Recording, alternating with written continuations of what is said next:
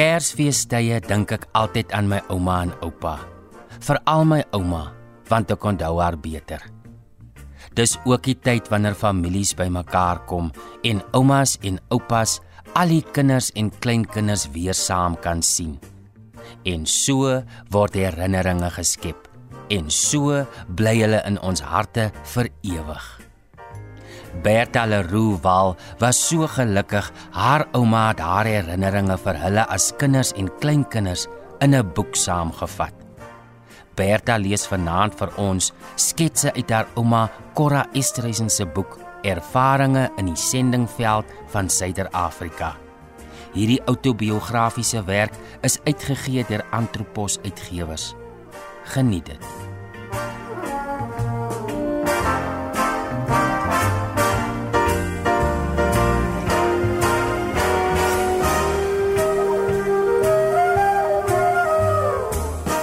Die begin van my loopbaan. Vertrek uit ouerhuis.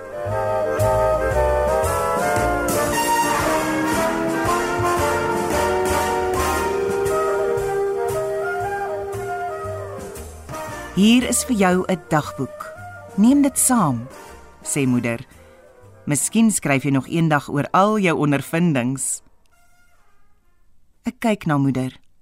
Sy's opgewek soos altyd. Selfs op hierdie afskeidsmôre, die eerste oggend van April 1932. Dis nog donker. Die stoomende koppie koffie waarmee sy my kom wek het, staan nog langs die brandende lantern en die waskom op die oudtydse wastafeltjie met sy marmerblad. Met 'n knop in my keel kyk ek na die dagboek. Moeder is nog knielend langs my bed. Sopas het sy my hande in hare geneem en my aan die sorg van ons troue hemelse Vader opgedra.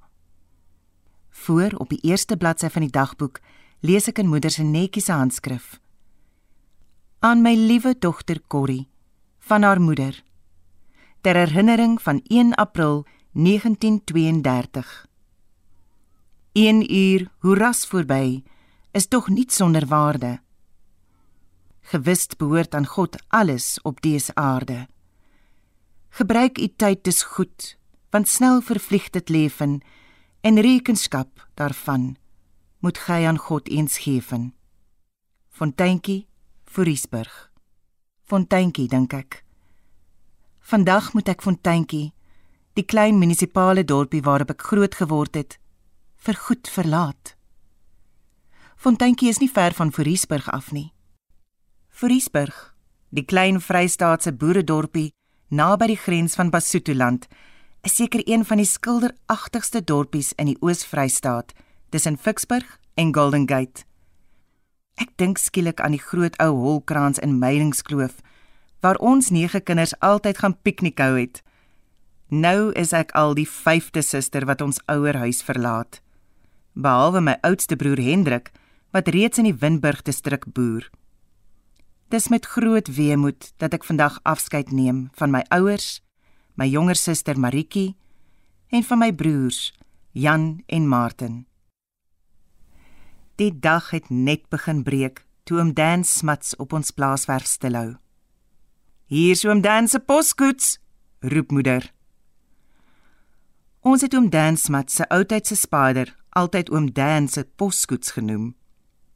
Somstyds het oom Dan tot 7 passasiers met al hulle bagasie in die spader gelaai. Ses het dan binne op die bankies gesit, 3 aan elke kant en een voor op die bok langsom. Terwyl die bagasie bo en agterop vasgemaak word. Vier wakker bruin perde het die poskoets getrek en klokslag wanneer hy die hoogte naby Vriesburg nader, het hom Dan dan 'n waarskuwing op 'n beul geblaas. Ek het maar vroeg gekom, sê die vriendelike oom Dan, gereed om my op te laai vir die rit van 8 myl na die spoorwegstasie. Ek moet ook nog vir Miss Alice op die dorp kry. Alice Reed of Miss Alice soos almal haar genoem het, was die alombekende musiekonderwyseres van Foriesburg. Sy was die dogter van een van moeder se Engelssprekende vriendinne.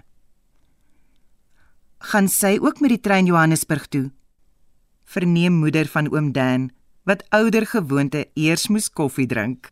"Nee," sê oom Dan, terwyl hy die leë koppie op die tafel neersit. "Miss Alice gaan net tot op die stasie waar Tom, haar broer, haar sal kry om haar na hulle plaas in die berge te neem." Koud en verlate is Voriesburg se spoorwegstasie, so vroeg in die môre. Miss Alice is reeds saam met Tom en ek is oom Dan se enigste passasier. Die trein is weer laat, sê oom Dan. Kom ons gaan drink eers koffie. Dankie, sê ek. Dit lyk of die tannie nou juis die koffiestalletjie oopmaak. Eindelik hou die trein ver van die perron af stil. Met gemengde gevoelens loop ek agter oom Dan aan wat my kosmandjie en ander bagasie dra.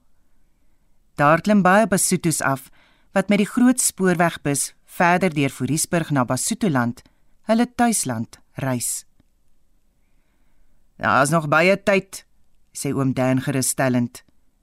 Die trein drink nou eers water. Ons kry die tweede klas rytuie net agter die lokomotief se kolewa. Jy kan maar so lank inklouter, sê oom Dan terwyl hy my soen groet. Is nogal hoog hier, lekker ry en voorspoed in die goudstad. Ek loop versigtig tussen die signaalkabels deur en klim met die eystertrappies op. Oom Dan wyf vrolik voordat hy omdraai om na sy nuwe passasiers wat saam dorp toe of na 'n vakansieplaas in die distrik sal ry. Skielik voel ek trane in my oë by die afskeid van die laaste skakel met my geboortedorp. Ek ken oom Dan al van kindsbeen af. Ek loer by my kompartement in. "Môre?" groet 'n ouerige vroutjie wat by een van die oop vensters sit. Haar swart breërand hoed is met 'n takkie kunsblomme versier en sy dra 'n Charlie om haar skouers. "En waarheen is die reis?" Verneem sy belangstellend. "Johannesburg toe." Nog baie bedroef na die afskeid pak ek my bagasie op die boonste rak. "Wat?" roep die dame met verbasing uit met 'n dun stemmetjie terwyl sy haar hande saamslaan. "Na Johannesburg, die goddelose stad. Ag nee, my kind, jy speel," roep sy ongelowig uit. Ek knik bevestigend met my kop En na 'n paar sekondes sê ek saggies: "Ja, tante. Ek gaan na die groot algemene hospitaal om daar vir verpleegster te gaan leer." "Wat?" roep sy weer geskok uit. "Vir verpleegster en jou ma laat dit toe?" "Wag, tante," sê ek skielik. Nie meer lus om met haar te redekawel nie. Laat ek die venster toemaak voordat ons vol swart steenkool roet waai. Terwyl ek die treinvenster aan die breë riem aftrek, breek die rooi dag in die ooste. Ons snel voort na die goudstad.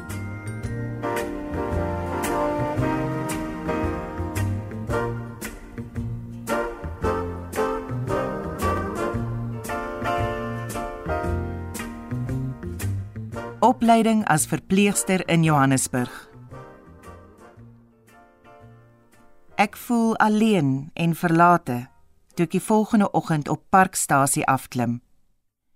Ons het die vorige dag lank op Bethlehem in Kroonstad gestaan. "Welkom, sussie," hoor ek onverwags die bekende hartlike stemme van Marga, my oudste suster, en Erich Meyer, haar man oorstelp van vreugde groet ek hulle. Dis 'n groot verrassing vir my. Moeder het ons laat weet dat jy vandag in Johannesburg aankom en eers vanaand by die hospitaal moet wees, sê Marga. Ons het toe maar vroeg van Pretoria af oorgekom, deel Erich my mee. Ons het gedink ons neem jou vandag eers na 'n uitvoering van die beroemde opera Madame Butterfly. Ja, sê Marga. Erik glo dat 'n mens se eerste indrukke van 'n nuwe plek blywend is.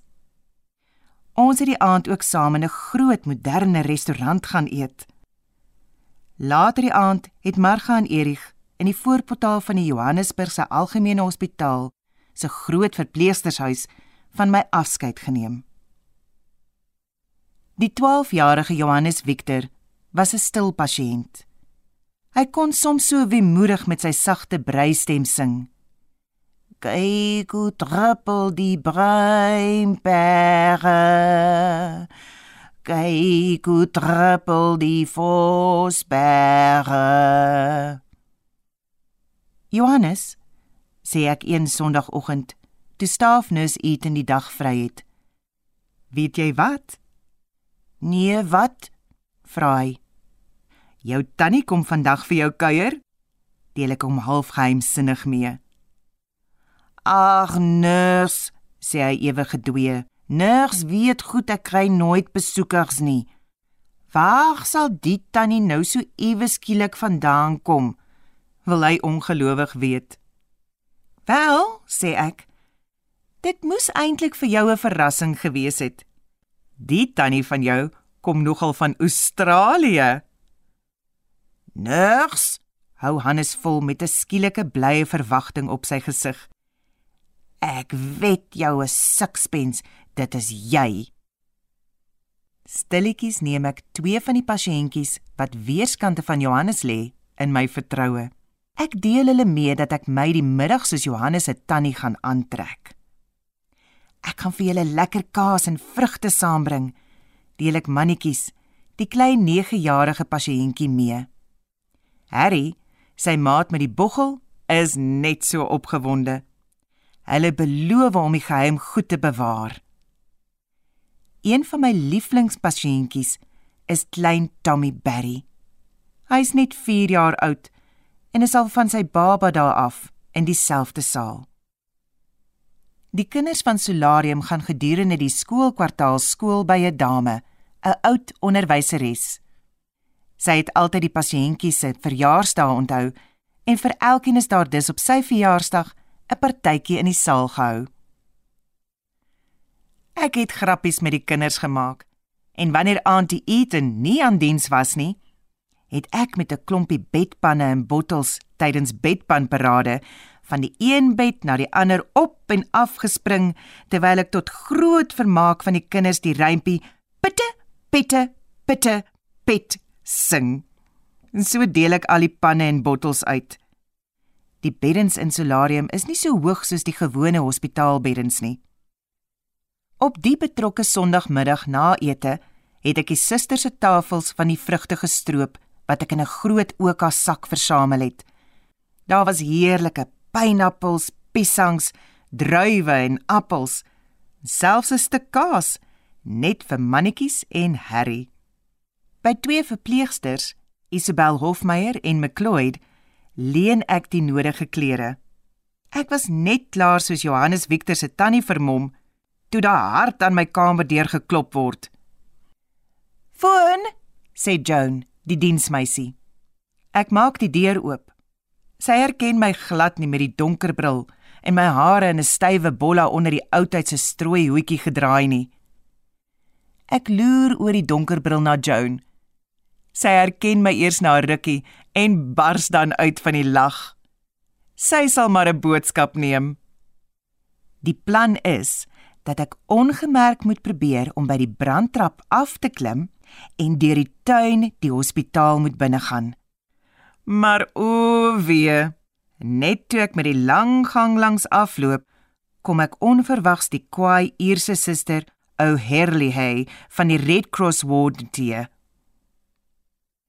What are you doing in the nurse's home? roep sy briesend uit. This is a private place. Ek hou my hand bak agter die regteroor terwyl ek die groot sambreel oor die arm dra wat die sak vrugte omarm. I beg your pardon, vra ek met 'n bewende breistemmetjie. Toe word die eerste suster eers kwaad. Out, beveel sy terwyl sy haar hande saamklap en met haar voet op die vloer stamp. Get out! You people have no respect for private property. O wêreld, dink ek benoud. Wat nou gedaan? Will you get out? Hoor ek weer die skril stem van die Ierse suster wat my steeds dophou. Stadig drentel ek die lang gang af in die hoop dat sy intussen sal loop sodat ek by die brandtrap kan afglip.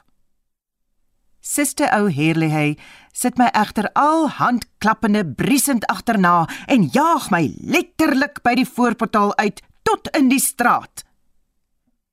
Ek kyk weer 'n slag om om te sien wat van die twee verpleegsters geword het, maar hulle is nêrens te sien nie.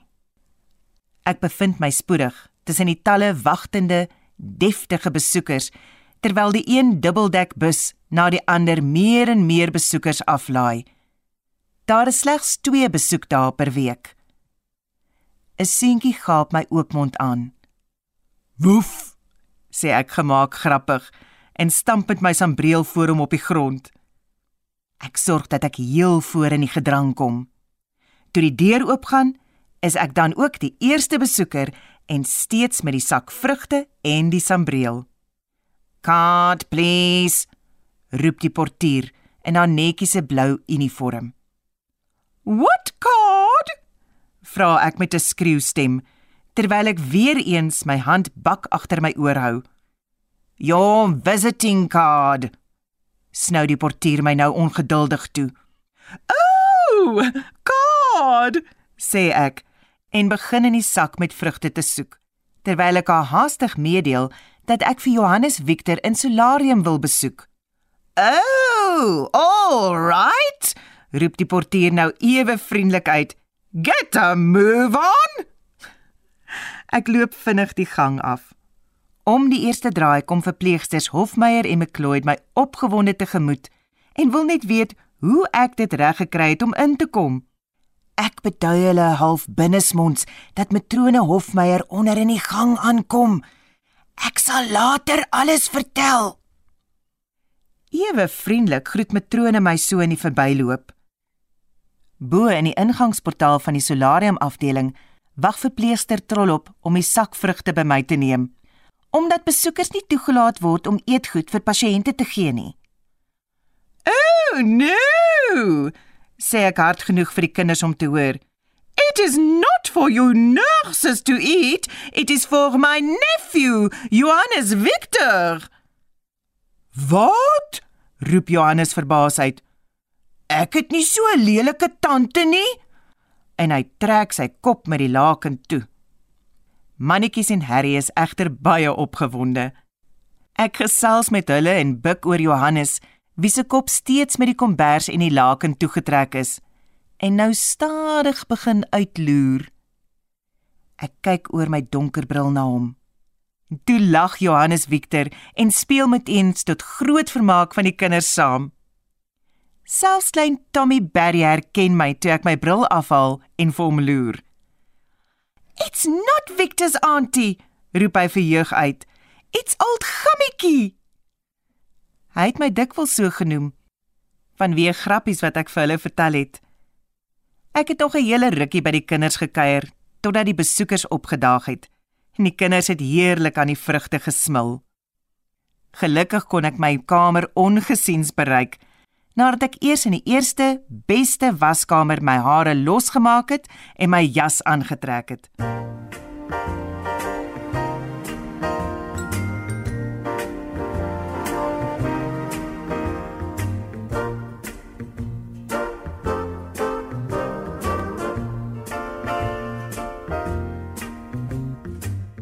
Die konsert. Die Transvaal Memorial Hospital se verpleegsters het besluit om 'n konsert in hulle groot eetsaal te hou. Vir die doel is daar 'n platform eenkant opgerig met 'n gardyn daarvoor gespan. Ek is die leier van ons Amerikaanse orkes en ons item was die eerste op die program. Ek is versoek om die gaste te verwelkom nadat die gordyn oopgeskuif is.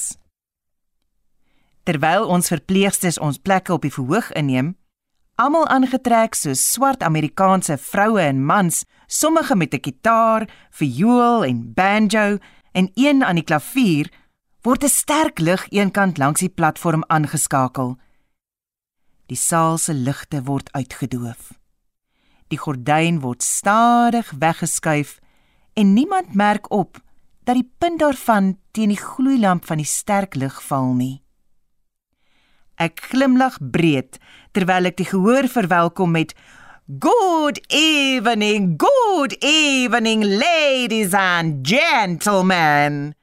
Ek vertel hulle hoe bly ons is om vanaand daar te kan wees. En elke keer sing ek die eerste paar reëls van die ou wêreldbekende swart Amerikaanse liedjie. I come from Alabama with a banjo on my knee. I'm going to Louisiana, my true love for to see. Oh, Susanna, don't you cry.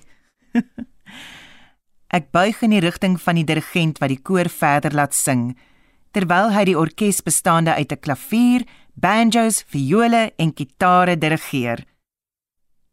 Met eens is daar groot konsternasie toe die gordyn vlam vat. Ek is dadelik gereed en spring vorentoe om die vlamme met my dik opgestopte agterwêreld te blus. Iemand skakel die ligte aan. Don't worry, ladies and gentlemen. Please don't worry. Don't worry, roep ek gerusstellend uit. I will squash the fire dead. En met die woorde voeg ek die daad by die woord en sit die vlamme behoorlik dood. Gelukkig het die gehoor gedink dit was deel van ons program. Van die mense wou later weet wie ek is en waar ek werk. Au, deel ek hulle lagend mee. I scrub the floors in solarium. so het ons verpleegsters baie lief en leed saam deurgemaak. Ek en my vriendin, Joey Odendaal, het gelukkig ons eksamens met sukses afgelê en ons het albei stafverpleegsters in die Johannesburgse Algemene Hospitaal geword.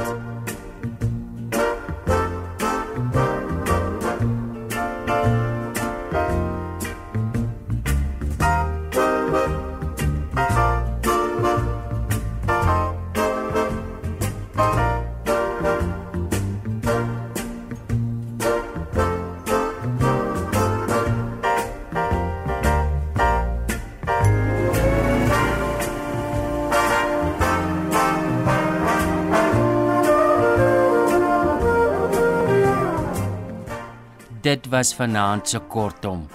Ek Johnny Klein groet tot 'n volgende keer. Geseënde Kersfees.